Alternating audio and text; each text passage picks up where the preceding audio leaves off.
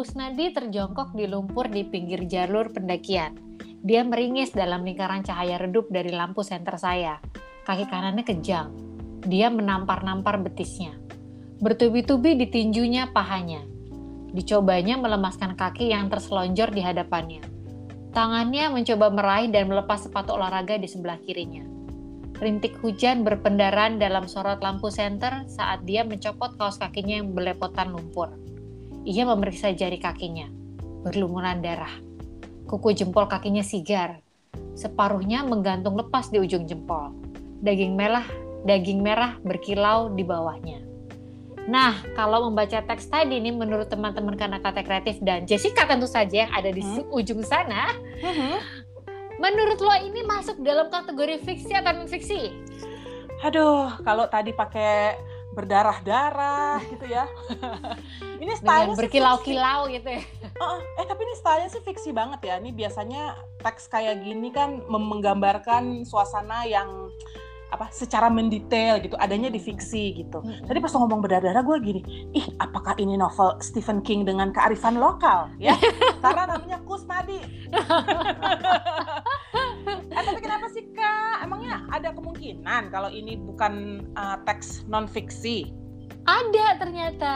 Eh kok teks non fiksi? Teks fiksi? Iya, enggak kemungkinan hmm. kemungkinannya tentang teks non fiksi ada. Oh. Iya, oh? ternyata gitu ya memang kelihatannya sangat fiksi tadi lo bilang kan, tapi ternyata teks ini adalah masuk di golongan non fiksi. Jadi gue ambil cuplikan paragraf ini dari buku Wali Berandal Tanah Jawa karya George Quinn yang memenangkan karya non fiksi terbaik tahun 2020 dari Egg Writers Center Canberra, Australia. Kebayang ya oh, tadi iya, iya, yang iya. kita duga-duga sangat fiksi ternyata pemenang terbaik non fiksi. ini bentar-bentar, ini George Quinn apa urusannya sama Kusnadi? Wah, ya, hebat ya. Oh, Jadi karena kenapa ada nama Kusnadi di situ? Jadi sesungguhnya buku ini merupakan studi budaya dan agama Jawa mm-hmm. yang hebatnya menurut gue ini penuturan lu sangat baik sehingga mudah dibaca dan kayak nggak kayak lagi baca teks non fiksi tadi. Jadi nggak kayak lagi belajar gitu ya. Nah, tahu sendiri kan beberapa buku yang mengupas tema-tema seperti ini tentang budaya atau mungkin yang teks ilmiah lainnya itu biasanya penulisannya tuh kering gitu. Uh, atau mungkin penulisnya itu sangat berusaha memisahkan ya antara fiksi dan non fiksi. Belum lagi biasanya kalau kita baca teks-teks yang ilmiah gitu ya atau yang udah dalam bentuk buku atau disertasi yang dibukukan segala macam biasanya tuh footnote-nya tuh bertebaran di mana-mana jadi ganggu selama proses membaca. Benar benar. setuju gak Jess? Benar. Apalagi kalau footnote itu panjang banget ya. Terus bersambung di halaman sebelahnya. Iya. Gak konsen. Iya. Tapi, tapi uh, gue setuju sih ya. Soalnya gue kan lagi banyak nih baca-baca buku non fiksi, mm -mm. apa buku ilmiah gitu ya. Mm -mm. Buku yang berhubungan dengan uh, jalur pendidikan yang sedang aku tempuh. Kadang-kadang gue tuh kayak capek gitu loh, Bo. Kayak hmm. membaca teks tuh yang kayak, yang benar lo bilang kering, Bo. Hmm. Gak ada emosinya. Itu kaku kayak kanebo dijemur lupa diangkat, ya kan? Kering dan kaku. Terus kayak retak, lanjut. Retak. Oh, oh retak. itu kayak suka eh enggak ya enggak nyambung. Tadi gue bilang kayak Mbak Mbak kan kalau dandan salah suka foundation retak-retak yeah. ya, tapi that's the other story. nah, lanjut ke halaman berikutnya itu, Bo. Ya Allah, kayak lama banget. Terus kan kalau lu bacanya kayak gitu kan lu suka ngulang lagi gitu gak sih? Uh, uh, uh, ngulang uh, lagi ke atas. Eh tadi gue uh, tadi gue udah baca ini belum sih? Ngulang yeah, lagi ke iya. atas gitu. Itu kenapa? Antara nggak ngerti atau gimana biasanya? Nggak ngerti, terus gue kayak ya udah baca aja dulu. Kadang-kadang gue suka gitu, ah udah nggak ngerti baca aja dulu. Tapi semakin gue ke bawah nggak ngerti kan? Coba gue ulang lagi. Aduh, jadi nggak jarang tuh ya stuck di satu halaman tuh ya lama gitu kan karena gue nggak ngerti apa yang dikatakan oleh pengarangnya gitu terutama terutama untuk uh, teks terjemahan mm-hmm. gitu ya. Jadi kadang kalau kadang misalnya gini, misalnya gue bisa bicara bahasa tertentu, yeah. tapi kan tetap aja kalau gue nggak ngerti konteksnya gitu ya, yeah. terus dia memakai istilah teknis yang menurut gue apa sih gitu kan? Nama-nama kerjaan gue aja, bukan bukan ah. kamus tesaurus lagi ya. Oh, oh, terus jadi kalau diterjemahin kan kadang-kadang tuh anak kalimatnya tuh kayak jadi banyak banget gitu yeah. ya kan, Bo? Nah, ini nih yang akademisi tuh, eh tapi tadi Prof Queen bukan ini ya, maksudnya dia akademisi juga ya, Prof Queen. Akademisi, akademisi. Oh, oh, oh. Nah, tapi akademisi yang bukunya gua baca ini gitu ya, uh, yang uh -uh. seringnya gua baca, itu juga sering melakukan hal yang sama nih, Bo.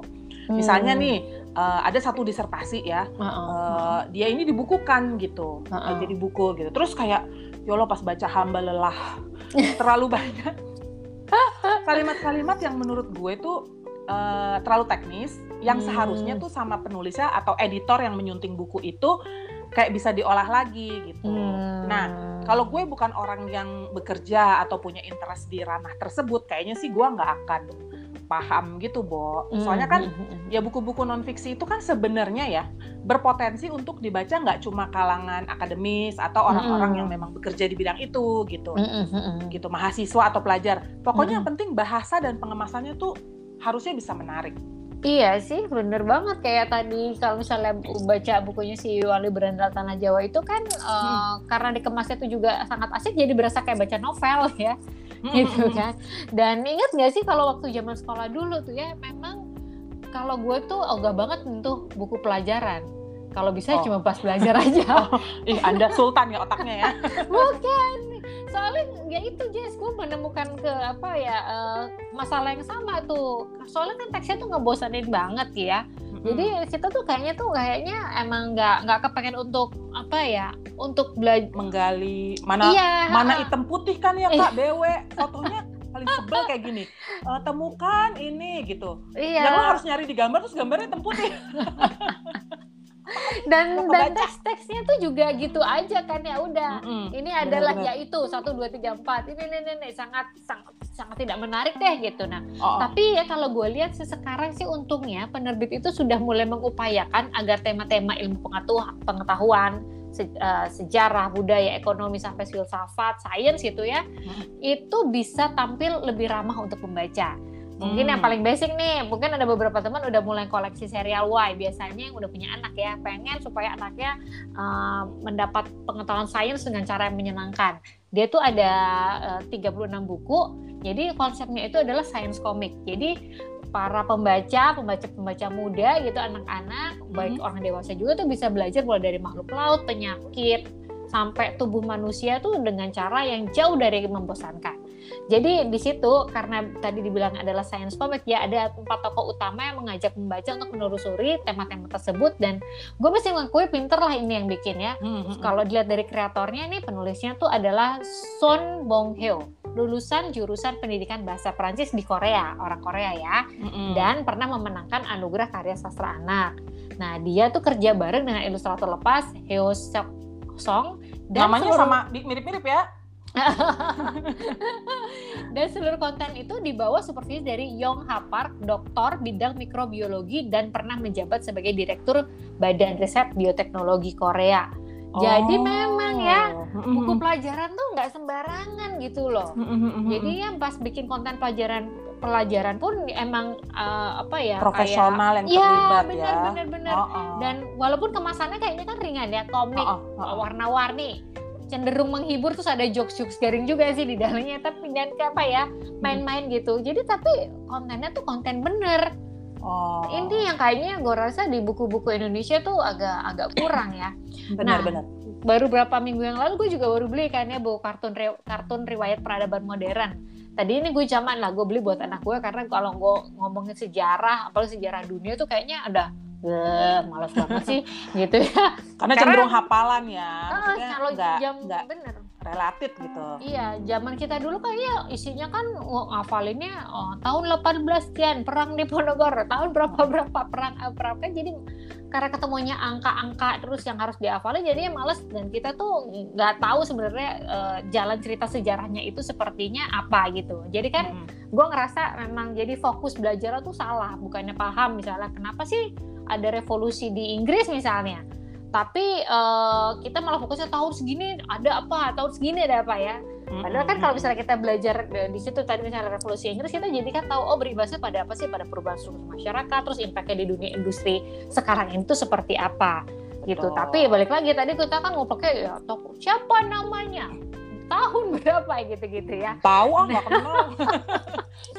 nah, balik lagi ke buku karangan Larry Golik ini, walaupun bukunya nggak berwarna, tapi kontennya tetap menarik dan kocak gitu. Nah, sebagai hmm. catatan ya, si Kang Larry ini ya hmm. adalah peraih master di bidang matematika dari Harvard University. Oh serius nih? Iya ya. Ini orang Mending... matematika ngomongin sejarah, sejarah, riwayat, uh, riwayat peradaban ya? Eh? Uh, uh, uh, uh, betul. Uh, uh, uh dan dia tuh meninggalkan dunia akademis untuk mengejar karir purna waktu di bidang kartun non fiksi. Jadi emang jelas tuh kartun non fiksi ya. Jadi lo bisa deh cari buku-buku kartun uh, dia yang lainnya tuh ada kartun fisika, kartun kimia sampai kartun genetika. Wow. Oh. eh, tapi gue juga baru selesai banget ya berapa hari lalu uh, nyelesain novel grafisnya uh, Sapiens dari Yuval Harari, Bu. Hmm ya kan? Kan gue emang suka gitu ya. Jadi memang yeah. nah tapi kan buat orang tuh kayaknya jiper gitu loh bu ngeliat hah ini kok buku lebih dari 500 halaman gitu kan? iya iya. Iya banyak tuh orang tuh kayak ah, ngeliat buku tebel tuh kayak udah terintimidasi. Nah yang grafis ini nggak terlalu tebel ya? Kira-kira 300 atau 200 halaman gitu tapi tapi gambar kan yeah, komik yeah. gitu iya iya iya nah ini tuh ramah banget menurut gue buat uh, orang yang suka buku tapi nggak kebanyakan teks Seringnya judul, gambar visual mm, ya makhluk-makhluk visual nih biasanya. Betul. Aha. Nah judul bukunya sih ya nggak jauh-jauh dari Sapiens ya, Bo. Cuma yeah. Sapiens grafis kelahiran umat manusia. Ini penerbitnya KPG, baru banget kok keluar gitu. Nah si Yuval ini uh, dia kan sejarawan, jadi dia menggandeng uh, dua orang temennya nih, Bu. Sebenarnya hmm. gue nggak tahu ya mereka berteman atau enggak ya. Kayaknya berteman deh. dia menggandeng, uh, aduh, kalau nama-nama Prancis udah aku agak susah. David van der Molen. Hmm. Kayak orang Belanda ya. Dia melakukan, oh, enggak orang Prancis. Dia melakukan adaptasi. Dia nulis juga gitu. Mungkin oh, bikin bikin apa namanya mood boardnya gitu ya. Bikin iya, storyboard gitu. Iya mungkin bikin juga dialog-dialognya jadi pendek-pendek kan itu kan soalnya kan kalimat-kalimat panjang kan kalau di buku kan kemudian gimana dan makanya jadi sebagai dialog misalnya gitu kan. Mm -hmm. terus temennya satu lagi Daniel Kasanev hmm. Kasaneve apa Kasaneve ya jadi dia hmm. juga mengadaptasi dan dia bikin ilustrasi hmm. nah bukunya ini tuh berwarna udah tuh ada joke-joke-nya gitu iya kan pasti gitu ya kalau komik hmm. ada joke-jokesnya hmm, pokok seru gitu loh jadi uh, -huh. kayak ya maksudnya ini juga tetap lebih nyenengin sih ya dibandingin kartun peradabannya lari tadi gitu karena yeah. kan tadi lo bilang hitam putih gitu yeah. sementara ini full color nah kalau lu lihat yang bahasa Inggrisnya itu size-nya lebih gede bu Oh. Jadi untuk yang anda-anda bermata plus, itu uh, apa maksudnya uh, menyenangkan sekali gitu. Oke oke oke. Tapi kalau gue sih ngerasa Sapiens ini nanti akan ada seri berikutnya deh, karena kan dia kayak baru nyinggung sedikit nih dari Sapiens secara keseluruhan keseluruhan hmm. nih. Yeah, Pokoknya yeah, baru yeah. berakhir di ya sudah sebenarnya ini semua salah Sapiens nih, kenapa yeah. apa hewan berevolusi apa iya. berevolusi bla bla bla bla yeah. gitu. Yeah, yeah, kan masih yeah, banyak kan bukunya ada Homo Deus lah gitu. Yeah, uh, uh. Ya kita kita berdoa aja semoga uh, Yuval and Friends ya sehat sehingga bisa mengeluarkan uh, series yang selanjutnya gitu. Yes, yes, yes, yes. Eh tapi yes. ya Uh, menurut gue yang happening itu sebenarnya nggak cuma Sapiens, Bo. Ada lagi, hmm. cuman kayaknya kurang terdengar, tapi sebenarnya oke okay, gitu loh. Jadi hmm. baru-baru hmm. ini terbit juga buku komik asal uh, Prancis yang berhubungan hmm. dengan filsafat. Uh-huh. Sorry ya, seperti biasa aku I cannot read in French ya. Cuma judul terjemahan bahasa Indonesianya Filokomik 10 filsuf uh, 10 uh, jalan menuju kebahagiaan gitu deh kira-kira. Ah, okay, okay, gitu. Okay. Nah, jadi uh, ini karyanya juga apa namanya, Bo, keroyokan, Bo. Jadi hmm. ada akademik, ada ilustrator gitu. Hmm. hmm, hmm nah, hmm, versi Indonesia sendiri dia diterjemahkan oleh uh, eh, Dr. Sotyo Wibowo, jadi ahli. Yunani klasik sekaligus dosen di Sekolah Tinggi Filsafat Triakara. Yes. Jadi nggak kaleng-kaleng gitu kan. Hmm, hmm, nah kekuatan buku-buku ini tuh ya itu tadi didukung oleh akademisi ya. Jadi bukan kayak orang kan kadang-kadang uh, suka ngerasa apalagi orang tua kita ya mungkin dulu nggak update. Kalau yang namanya komik pasti main-main uh, gitu hiburan ya, gitu nggak berguna gitu hmm, kan hmm ada juga orang tua yang gini pokoknya segala yang namanya komik pasti untuk anak gitu. Padahal ada juga ya. Yang kartun iya, iya. dewasa. Mangga, perlu mangga, ya. kebijaksanaan pemirsa gitu. Nah dengan ilustrasi yang menarik dan bahasa yang kekinian tuh kita tuh nah buku yang tadi ya kita tuh jadi dibikin paham gimana mencari kebahagiaan menurut Platon, menurut Seneca, menurut Kant, sampai Nietzsche ya mas-mas hmm. kumisan yang nggak bahagia itu pun ternyata punya jalan menuju bahagia gitu. Nah, Seru ini bukan untuk anak-anak ya, ini untuk bukan mencari kebahagiaan itu ya. Bener-bener seru dan nggak intimidating, Bo, kayak buku ah. filsafat pada umumnya. Gitu. Iya iya iya. itu gue baca Nietzsche aja belum itu. Belum kelar. belum kelar dari bab satu kayak nggak beranjak beranjak mungkin. Udah kan nggak usah dipaksa. Nggak usah dipaksa ya. Nah, dari beberapa buku yang tadi kita bahas ya Jess, ya memang nyata se sebuah buku itu juga ikut berubah berevolusi hmm. mengikuti kebutuhan dari pembaca. Jadi memang kita tidak bisa memaksakan kalau semua orang tuh harus membaca semua buku ya kan. Hmm. Tetapi selalu ada upaya agar pembaca-pembaca baru ini mau mulai menambah ilmu mereka melalui buku dengan medium yang menyenangkan. Jadi hmm. catatan juga ini untuk para kreator ya, jangan terpaku pas mau melahirkan satu buku bentuknya harus baku dengan banyak tulisan. Gak mesti gitu juga kok. Hmm. Penambahan gambar atau berubah bentuk sama sekali jadi kayak komik itu sah-sah aja dilakukan tapi memang ini pe bukan pekerjaan yang mudah ya karena hmm. memang tadi tadi lo singgung tadi ya Jess berpartner dengan orang-orang yang bisa menerjemahkan atau mengadaptasi tulisan kemudian tadinya full tulisan menjadi ke komik dan gambar hmm. dan gue lihat sih beberapa buku sejarah Indonesia tuh uh, Kemendikbud bekerja sama dengan penerbit lokal tuh juga mulai menampilkan komik berisi kisah kepahlawanan Indonesia tapi memang jumlahnya tuh masih dikit dikit dikit banget ya kalau hmm. gue sih ngelihatnya sih ini bisa sebenarnya bisa menjadi peluang yang bagus banget nih buat teman-teman yang punya tema-tema menarik uh, ilmiah dan mungkin nggak populer hmm. karena takut juga nih mau karya begini siapa sih yang mau baca gitu ngerasa ah ini kayaknya cuma terlalu berat, ah, ah, ah, ah. terlalu teknis betul gitu. betul betul betul jadi kayaknya jadi nggak nggak aduh gue malas nih bikin buku ya mungkin gimana kalau kita uh, balik cara berpikirnya. Jadi sebagai kreator kita memperkenalkan tema-tema spesifik tersebut kepada para calon pembaca dengan pendekatan yang berbeda sehingga mereka mau baca lebih lanjut. Gue rasa nih ya kalau zaman dulu tuh udah ada komik kimia, komik fisika ya pasti nilai-nilai rapot gue tuh yang mataku apa yang pelajar-pelajar itu nggak akan merah membara loh, Bu. Kebakaran rapot gue. Merah. eh, yang ketawa-ketawa Jess. Sama. Aduh butuh kimia tuh. Paling parah heran gue tapi dia kok bisa bukan lulus ya lolos. Iya. atas kemurahan Tuhan yang Maha Esa. Gue tuh merah merah. Bener-bener. Kalau kalau ada komik itu gue rasa pasti kebantu deh. Iya iya karena kan lu ngerasa lu kan bisa meng apa ya bisa mengerasionalisasi gitu loh. Oh nah. ini begini. Kan kadang-kadang kalau misalnya ketika cuma teks-teks kering gitu kan lo kayak apa sih urusannya sama hidup gue gitu. Misalnya kimia padahal kan lu dikelilingi oleh segala hal lu kim makanan lu aja ada kimianya gitu kan. Iya udara kita hirup itu kan ada nama kimianya juga kan. Iya tapi kan kita ngerasa tidak related kan betul, gitu. Karena betul. tidak ada narasi dan tidak disampaikan dengan medium yang baik benar gitu. benar benar. Ya, ah, kalau kalau inget dulu pelajaran biologi kan cara kerja jantung kebayangnya udah oh, apa sih? Baru-baru bilik kanan bilik kiri apa sih? Oh udah tuh bukunya war ini nah itu lagi bo. Udah tuh hitam putih ya? hitam putih. Kan gini ini mana apa sih tulisannya? Pembuluh ini yang mana sih? Yeah. gitu kan makanya beneran loh itu ya. Kita semua bisa lu bisa lolos bukan lulus ya sampai ke tahap ini. Hanya karena kemurahan Tuhan semata. Iya.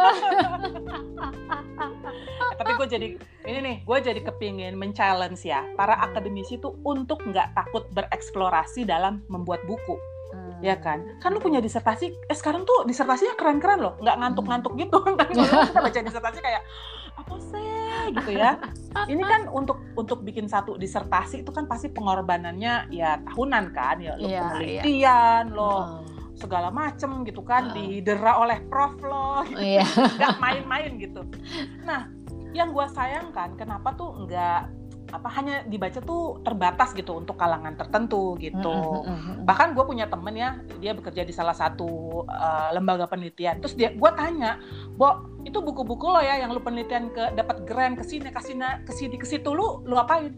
Ada tuh ya gue mereka bingung ininya gimana gitu terus hmm. mungkin karena nggak menarik iya juga sih kayaknya PR-nya begitu gitu nah, padahal, padahal sama, ketika lo ngobrol sama dia huh? temanya bisa menarik kan bisa menarik bisa nah. menarik banget apalagi dia ngomongin tentang uh, apa namanya penduduk lokal kan ah, gitu ya iya, terus iya. ada juga temennya nge ngebahas tentang ini loh apa binatang melata gitu. Ya.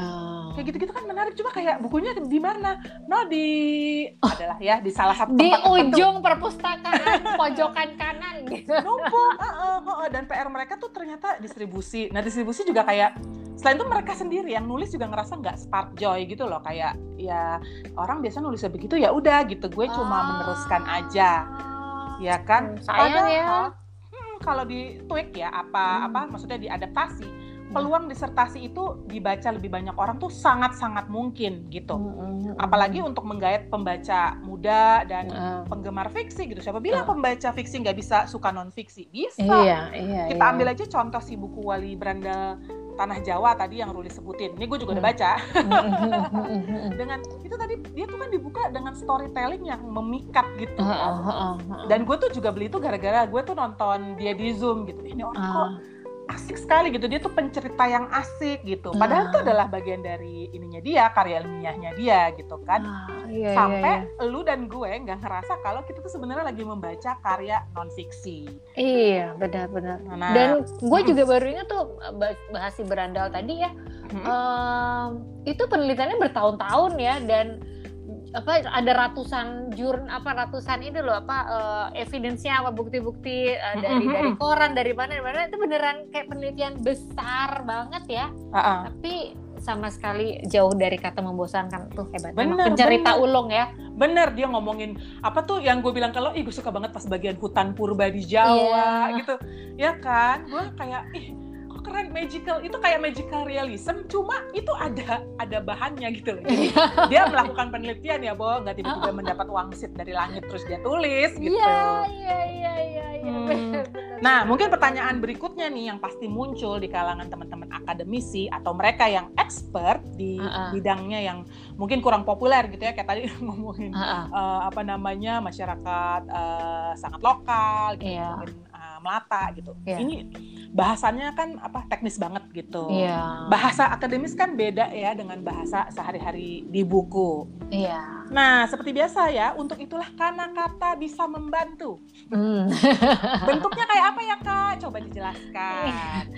Iya, dari tadi ya, tadi kita bilang kan uh, dibutuhkan orang-orang yang ahli juga gitu kan untuk uh, misalnya uh, untuk bisa mengadaptasi dari buku itu kemudian menjadi naskah entah itu dia bentuknya mau komik mau kemudian fiksi dan seterusnya gitu ya mm-hmm. dari naskah yang tadi dirasa dingin kaku bahkan nebo menjadi naskah yang lebih luas sehingga masuk uh, sehingga bisa lebih uh, luas pembacanya. Jadi karena kata tuh akan mendampingi semua proses tadi itu, proses mm -hmm. naskah sampai masuk ke proses desain. Bedah ulang ya dong. Iya, iya, iya, iya, iya. Dibedah ulang, diambil yang yang tetap tidak menghilangkan esensi, cuma Betul. bisa dikunyah rame-rame lah gitu. Iya, Sampai hmm. juga kalau misalnya, oh, gue kayaknya pengennya bentuknya komik deh. Karena kata hmm, bisa hmm. nggak? Hmm. Ih, karena kata juga punya lo ilustrator ya gitu kan. Betul. Atau misalnya sampai, oh, gue mau cetak deh, bisa, bisa hmm. juga hmm. dibantu sama itu karena uh, yang asik dari karena kata adalah lo nggak usah ribet cari uh, telepon sana telepon sini cari ilustrator cari penerbit cari desain grafis cari apa lo coba mm -hmm. telepon ke Jessica aja bener bener bener teleponku sudah beredar kok di iya, halayak luas. ya kan? Dan uh. gitu kan oke buku udah jadi nih promoin dong di media sosial bikinin dong uh, apa namanya bentuk um, promonya. Ya bisa uh. banget bisa banget. Selama ya ada ide dan ingin membuat konten berkualitas Anda itu tidak berhenti di kalangan terbatas mungkin memang ada baiknya lihat-lihat lagi deh disertasi atau tesisnya Mm-hmm. Kemudian ngobrol deh sama Jessica dan atau sama gue gitu ya. Mm-hmm. Ini ini bisa diapain sih? Bisa diperluas lebih kayak gimana lagi sih? Sayang hmm. loh masa cuma terogok di lemari buku kamu kamu aja betul ya betul tapi nggak harus udah jadi buku juga maksudnya wah hmm. ada disertasi udah nganggur ada juga yang mungkin lulusnya kapan tahu ya aduh gue ngerasa kurang relevan cuma yeah. gue kepingin ini tetap dikembangkan dengan ini yang terbaru oh bisa oh, iya, kita tetap bisa betul, kita tetap bisa bantuin riset dan yes. segala macamnya itu gitu yes. Yes. nah seperti tadi kakak Ruli udah bilang ya telepon Jessica telepon Jessica ya bisa telepon Jessica bisa atau bisa juga nih email kami misalnya kan panjang nih mau kasih lihat naskahnya juga ya kan yeah, yeah. bisa email kita di marketing at kanakata.co hmm. atau males ngetik panjang-panjang bisa juga ninggalin pesan di IG kita at kanakata kreatif atau yeah. mau tahu juga kanakata nih ngoceh-ngoceh aja udah ngerjain apa cek baby recheck di kanakata.co. Gitu eh, ya, Kak? Ngecek, oh, sekalian ngecek tulisan kita juga, Go kan ada blog terus setiap minggunya. Oh iya, yeah. blog, blog kita update ya setiap minggu ya. Dibaca-baca dong, di di like dan di share. Loh ini apa YouTube? Udahlah pokoknya teman-teman ya selamat melihat lagi uh, naskah-naskahnya yang sudah teronggok, dipikir-pikir yes, baik-baik kira-kira yes. mau dikembangkan ke arah mana gitu kan, kira-kira mau di apa diadaptasi bentuknya kayak gimana. Silahkan berpikir-pikir dulu ya. Besok pagi kita tunggu teleponnya. Ya. Yeah. Ingat Senin harga naik. Oke, okay, kalau gitu Jessica sama Ruli pamit dulu ya. Yes. Sampai ketemu di podcast kita berikutnya. Tetap okay. sehat dan produktif. Yes, bye. Bye-bye.